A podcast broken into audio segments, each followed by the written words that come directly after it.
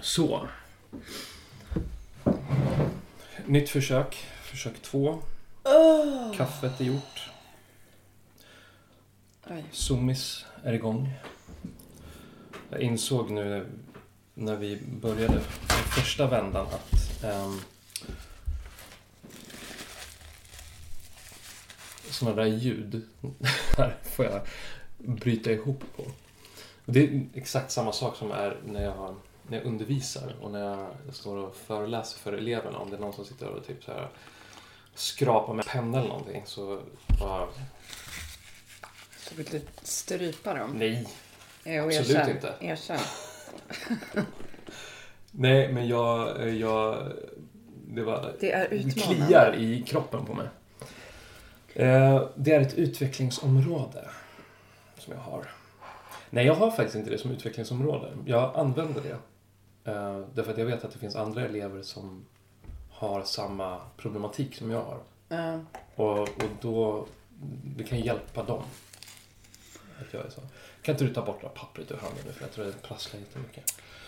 Jag jag läst lite såna här krönikor nu om det här med barn och skärm och sånt.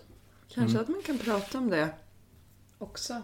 Alltså det är ju, det är ju ett mer eh, mainstream ämne. Men Alltså Men- ba- barn och Ja just det, det var Mm. intressant att de här teknik, de som jobbar på teknikföretagen, teknikeliten, de hade barnen på Waldorfskolor. Mm. Men nu läser jag en annan som, ja men det är bara, det skildrar det här, ja, det skildrar det här med hur barn blir helt ointresserade av att läsa och allt sånt där liksom. Ja, Mm. alltså jag märker ju det med, med våra barn att det blir...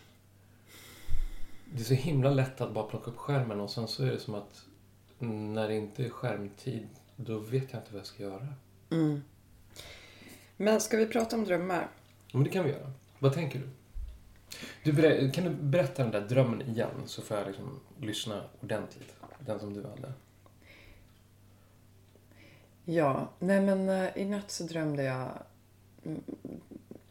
ehm, alltså jag... Det är inte jätteofta som jag kommer ihåg drömmar som känns sådär som stoff för psykoanalys typ. Nej, men som, som känns eh, sådär lite härligt mustiga och symboliska. Mm. Men eh, eh, den, den drömmen jag hade i natt var lite så. Och, och, och det som hände var när jag vaknade, precis innan jag vaknade, var att ah, våran son var med i drömmen och vi var på något ställe som var dåligt på något sätt.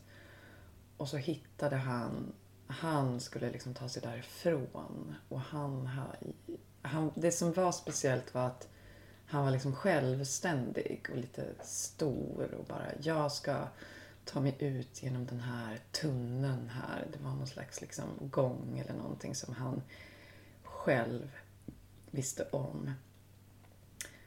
Uh, och det, det, var, det var en spännande dröm för att han är ju i någon sån lite svår ålder och det är någon slags liksom individuation, någon uppbrottsfas där han kämpar med liksom det här att är jag mammas och pappas lilla pojke eller är jag stor och ska klara mig själv?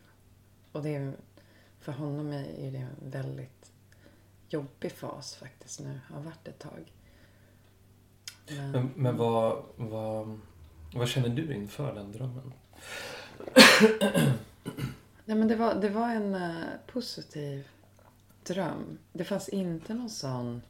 Sen vaknade jag ju av min väckarklocka precis efter att han skulle bryta sig ut. Så jag vet inte hur det skulle utvecklats men då var det bara en positiv känsla av att han han är stark och tar sig för det här själv. Han klarar sig själv, den känslan faktiskt. Mm. Kommer, du ha, kommer du använda den drömmen? Hur menar du? Det känns som att den drömmen är viktig.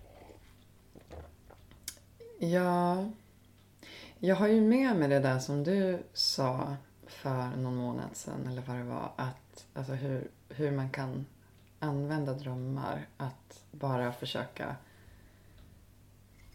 komma ihåg dem och vara i dem. Låta dem verka, tror jag du sa. Och det är väl det jag gör, tänker jag. För att jag, absolut, jag känner att det var en dröm som som säger någonting viktigt. Men jag tänker inte att jag måste så här, ja nu ska jag analysera och förstå, da, da, da, da, da, utan mer bara försöka vara i kontakt med den mer så. Mm. Men du Per, mm. um, du har ju jobbat mer med drömmar än jag. Jag har blivit lite inspirerad av dig. Um, vad betyder drömmar för dig? Väldigt mycket nu. Väldigt mycket mer än jag har gjort tidigare.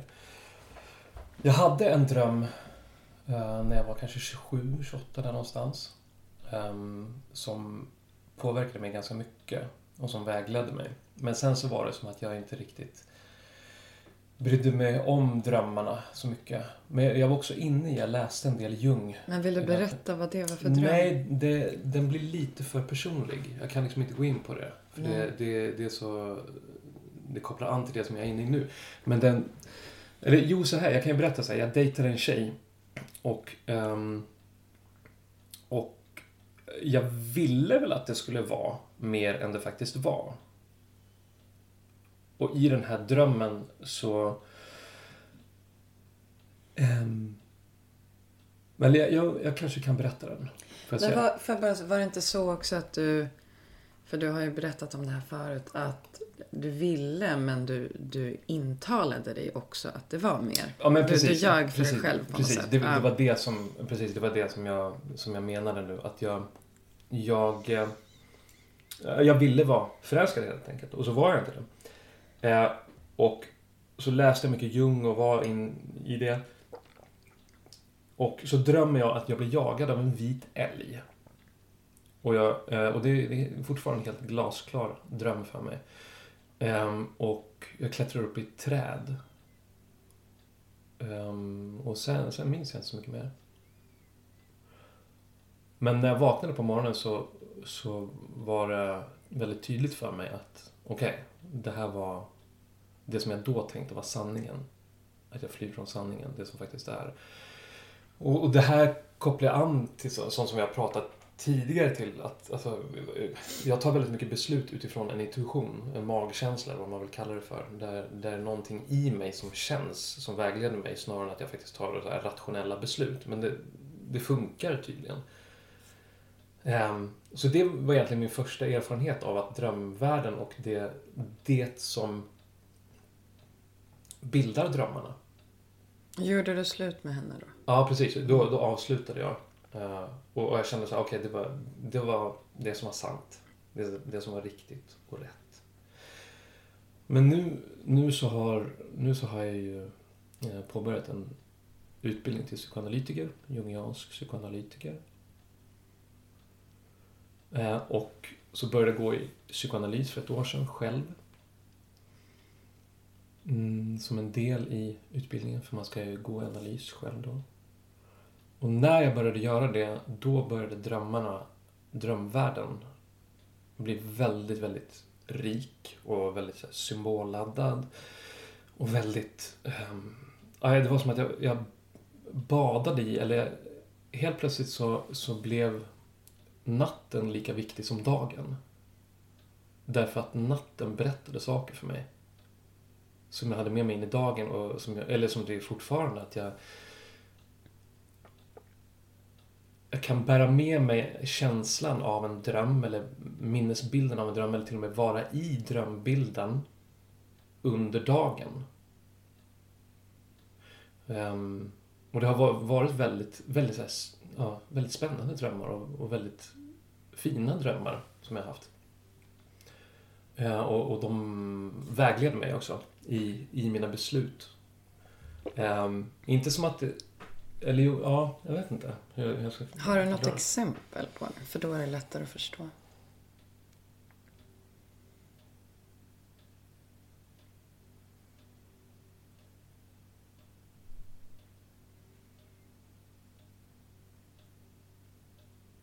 När vi var på dröm, eh, drömutbildningen, jag på säga, eh, på utbildning nu senast. Då har vi någonting som kallas för Dream Matrix. Där vi sitter i, eh, tillsammans och så, så berättar vi om en dröm. Ehm, eller någonting som ehm, man kommer att tänka på när någon annan berättar en dröm. Ehm, eh, och man ska inte kommentera eller analysera varandras drömmar utan det, det är bara någonting som man, man ger till gruppen så att det blir som gruppens drömmar. Eh, och natten innan så hade jag haft en dröm där jag... Ja, det här, jag vill inte gå in på för mycket på detaljer för det, det, är, så, det är så intimt med, med drömmar upplever jag. Men det ger någonting vidare till en annan person. Och, och den drömmen hade jag med mig. Um, in i dröm, Dream Matrix.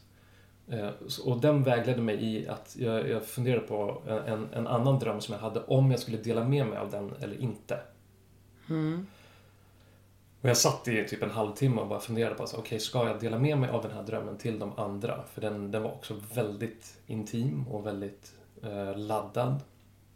Och, eh, och, och, då hade jag med mig den så här, ja, jo men jag vill göra Hjärtat bultade och det kändes sant och riktigt. Och så gjorde jag det och det, det, det kändes rätt. Mm. Det blev inte för personligt. Och då var det utifrån att du hade den här drömmen med att du ger, att du ger någonting? Ja, då, då hade jag med mig den. Men det, det är också hur jag ska um, hantera det som rör sig i mig. Jag tror det är mer, kanske mer åt det hållet än hur jag ska agera i det yttre. Alltså hur ska jag hantera mina komplex som man pratar om inom jungianismen. Um, eller... Har du något exempel på det?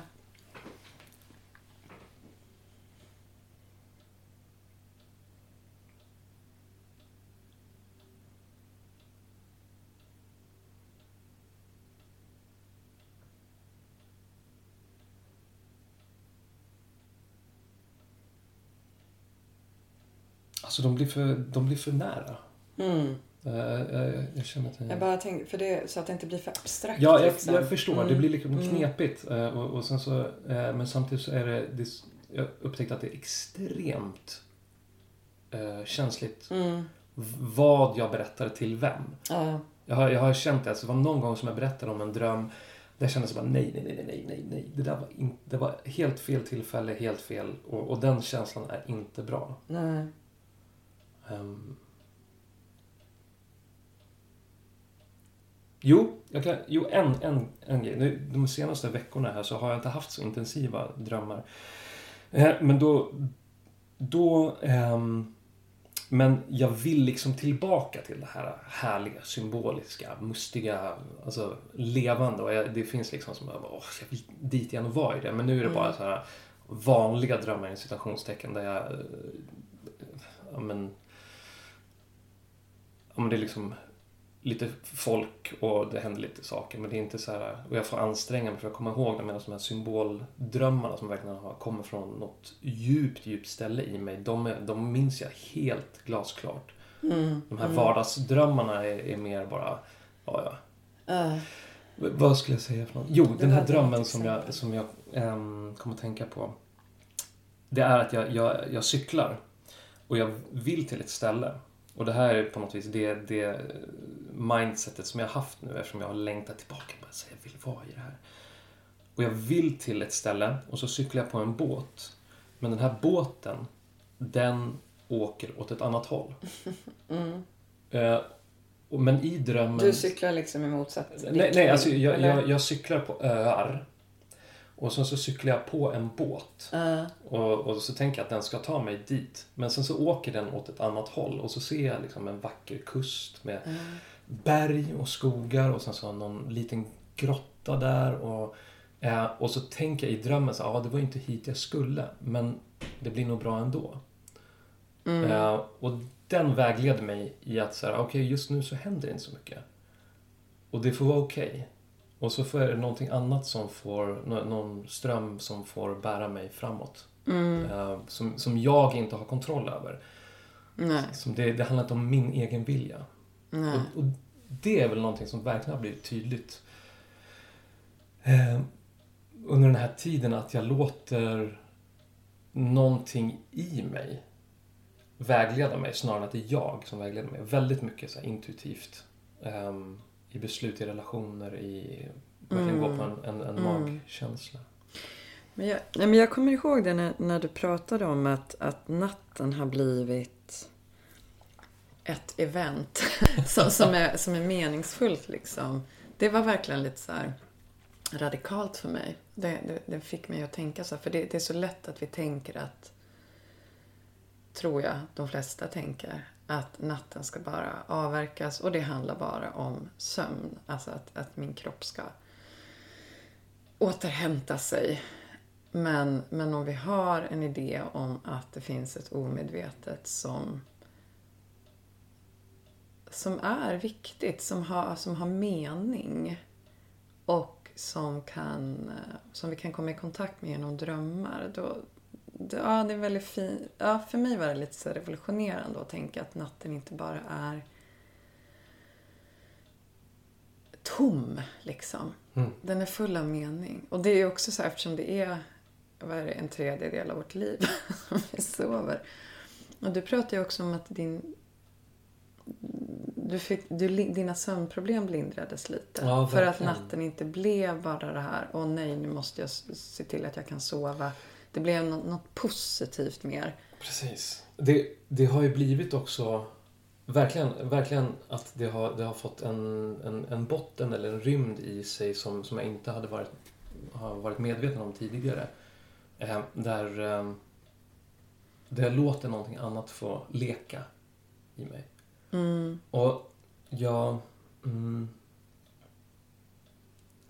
jag, har, jag, har, vårt samhälle är ju väldigt uppbyggt kring från A till B. Det är prestation, det är upp, vi ska ha betyg. Vi, ehm, kunskap mäts i bokstäver. Eh, och, och helt plötsligt så är vi bara nästan som maskiner. Och då är sömnen egentligen bara någonting som ska göra att vi ska kunna prestera bättre. Mm. Och när jag, när jag började gå i psykoanalysen och började öppna mig mer för eh, Jung och de tankarna och dyka in i det så eh, Drömmarna är ju inte från A till B. De, de, det har ingenting med prestation att göra. Det, man måste inte vara duktig utan de är helt De kan vara väldigt irrationella och väldigt eh, vackra eller skrämmande och, och det är inte från A till B. Och, och helt plötsligt så börjar när vi släpper den tanken, eller när jag släpper den tanken, helt plötsligt så blir det mer öppet för lek. En lekfullhet.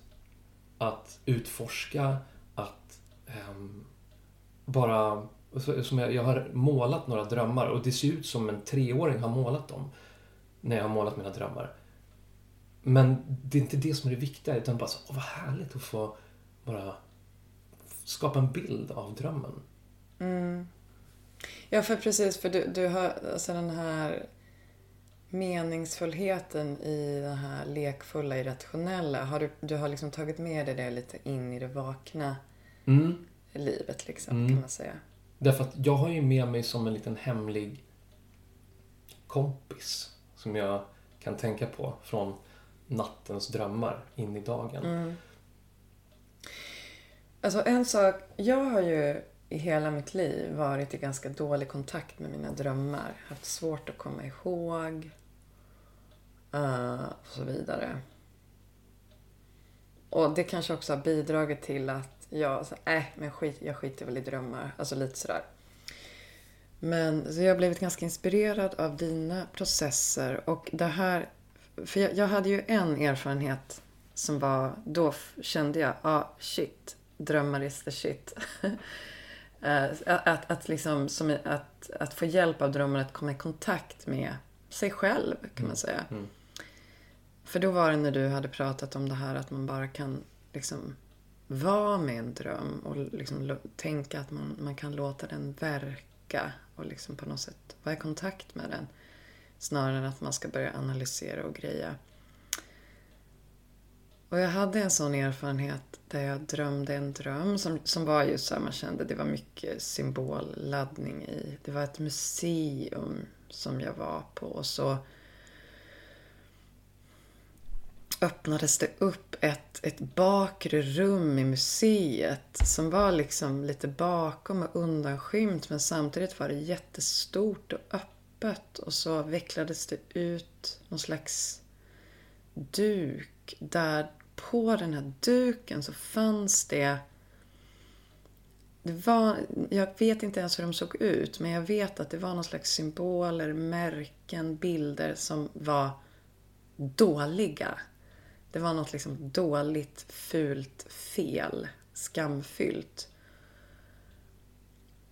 Och så fanns, var det någon kvinna som jobbade på museet som såg det och det var lite så här, oj, bestörtning. Men så var det någon slags manlig museichef som var mer neutral och liksom bara såg det här och det på något sätt fick det finnas. Och det, när jag hade med mig den drömmen så hände det jättemycket liksom med mina känslomässiga processer som jag var i då. Eller jag, jag håller ju också på att gå i terapi och sådana saker. Och, eh, det kom upp en massa sorg, jag började gråta, det lossnade en massa saker. Och, och, och någonting med de här eh, de här dåligheterna som de här märkena symboliserade. Det var något så oerhört frigörande för mig att tänka på dem. Att de fanns där och de fick vara där. Som hade att göra med liksom, det dåliga inom situationstecken i mig själv. Som någonting som måste få finnas. Och dåligt situationstecken, jag vet inte om det är dåligt, alltså om det är ens egna skuggsida. Men samtidigt så är det ju inte dåligt. Ja, men, men på något sätt så, så var det viktigt att jo, det är dåligt och fult och fel. Det kanske var så här hakkors eller liksom något sånt där som verkligen mm. är jättefel och fult. Men, det, men då, då blev det var jättestort för mig för då blev det var som en brygga liksom mellan Eh, den här medvetna, rationella tanken och alla de här känslorna som sitter i kroppen. Liksom. Och det den här undermedvetna symboliska strukturen som finns i drömmen blev en brygga att få ihop det på något sätt. Att jag kunde hitta en förlösning i allt det här känslomässiga som, som, liksom sitt, som jag förknippar mycket med att det sitter i kroppen. Men då, då fick det ett språk så, och kunde liksom frigöras på något sätt. Mm. Vilket jag tänker också det, det, man pratar så mycket om det i psykoanalys utifrån min kunskap. Liksom det här med att hitta ett språk liksom för känslor och erfarenheter. Och det blev så tydligt för mig nu hur, att det är så sant liksom. Mm. Det, det, är en viktig grej. Som jag kanske tidigare varit lite så ah, Jag har ju jobbat mycket med kroppen liksom. Och det är också väldigt viktigt. Men som människor kanske vi måste liksom komma in i det här symboliska. Det där, när du, när du pratar nu, när du berättar det här så helt plötsligt så inser jag, jag har inte tänkt på det tidigare, men att i drömmen, där får det förbjudna finnas. Mm. Det dåliga får finnas och det, det kommer upp. Och det är som att drömmen är ett rum där allt är möjligt och allt får finnas och allt kommer att finnas. Och jag tänker också att i psykoanalysen och i, eh, alltså när jag arbetar med människor eh, i, i samtal så tänker jag att, att jag eller den som är psykoanalytiker till mig skapar ett rum där allt får finnas det blir nästan som en spegelbild mm. av drömvärlden. Att, att det, det här dåliga eller förbjudna som, som, ja, men som, som du upplevde i drömmen. Det är också någonting som, vi har ju alla dåliga förbjudna saker inom oss som vi inte vill prata om. För att det är skambelagt, vi tänker att det är förbjudet. Men helt plötsligt så skapas ett rum där allt är okej. Okay. Mm. Det är verkligen okej okay att vara eller ha tänkt alla de här sakerna eller ha gjort de här sakerna. Där det inte finns ett dömande. Och, och den processen, att bara få vara i ett sånt rum, tänker jag är otroligt läkande. Utan att... Alltså KBT har verkligen sin plats och det är superbra. Men jag tror att det, det är liksom olika bottnar i det här. Det, det, det är som att det, KBT har, har sin uppgift medan psykoanalysen på något vis har en annan uppgift. Eller, alltså jag har inte så stor erfarenhet av det men det här att, att få det här rummet som helt plötsligt så börjar någonting växa. Mm. Någonting, någonting annat som inte måste fixas. Mm. Det måste inte åtgärdas utan det finns någonting i oss, i, i det djupaste inre som vill växa och som kan det. Mm. Alltså naturen eller vad det nu kan vara för någonting. Och, och kanske som att komma i kontakt, lära känna. För jag, jag går ju i psykodynamisk terapi som inte är psykoanalys men det är ju baserat på, på um, den traditionen, freudianska. Och där, där pratar vi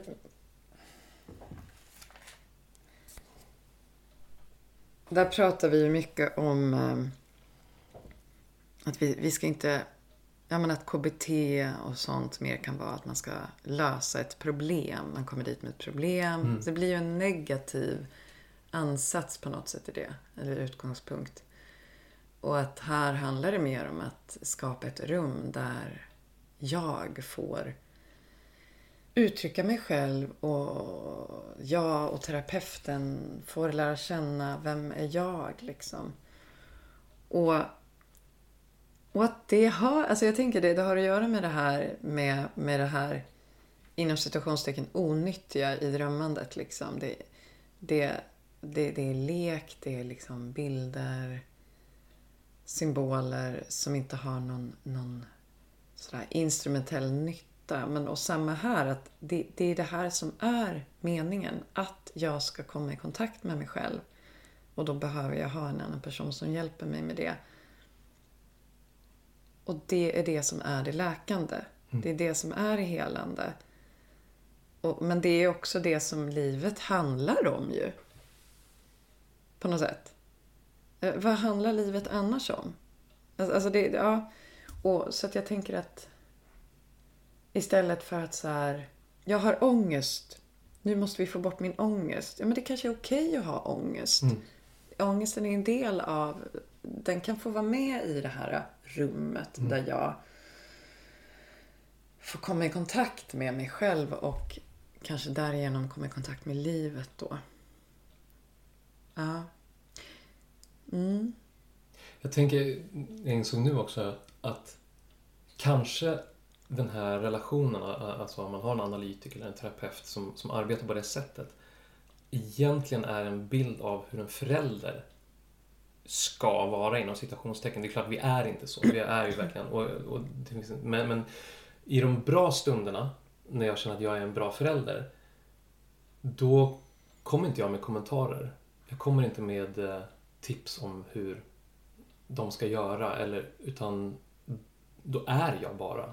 Och mm. då får de vara i mitt vara. Mm. Och det är då som jag känner att ja, men där någonstans det är lite liknande. Eller vad tänker du? Absolut. Ja. absolut. Jag tänker absolut att terapeuten eller analytikern blir en stand-in förälder. Att det är väldigt mycket den rollen som speglar och härbärgerar. Mm. Och just det här hur, men när jag började gå i den här terapin nu. Tidigare hade jag haft en period när jag jobbade mer med kroppen och liksom försöka komma i kontakt genom kroppen med gamla känslor och sådär. Och det är jättebra. Funkar jättebra för mig. Jag har till exempel hållit på med Rosen-terapi hos en fantastisk kvinna. Ja, jättebra. Men jag kände ändå att det är som att jag uppvärderat lite det här. Jag behöver prata med en annan människa. Jag behöver liksom uttrycka mig inför en annan människa. Alltså att det är någonting i sig där som är så läkande. Oavsett hur smarta grejer man kommer fram till eller inte kommer fram till. Liksom. Det är inte det det handlar om. Det är framför allt att etablera den här relationen. Liksom. Och få känna att eh, man blir speglad och sedd. Och det, behövs, det krävs inte så jäkla mycket av den här terapeuten mer än den här närvaron faktiskt, tänker jag. Eller hur? Ja, ja, men jag tänker att det kräver ganska mycket av en person att kunna vara där. Att vara närvarande. Jag Mm. tänker att det är, det är inte bara så bara. Nej. Jag tänker också det här med att det kan ju vara att det bara sprutar reaktioner i terapeuten och då lyssnar ju terapeuten eller analytikern inte lika bra.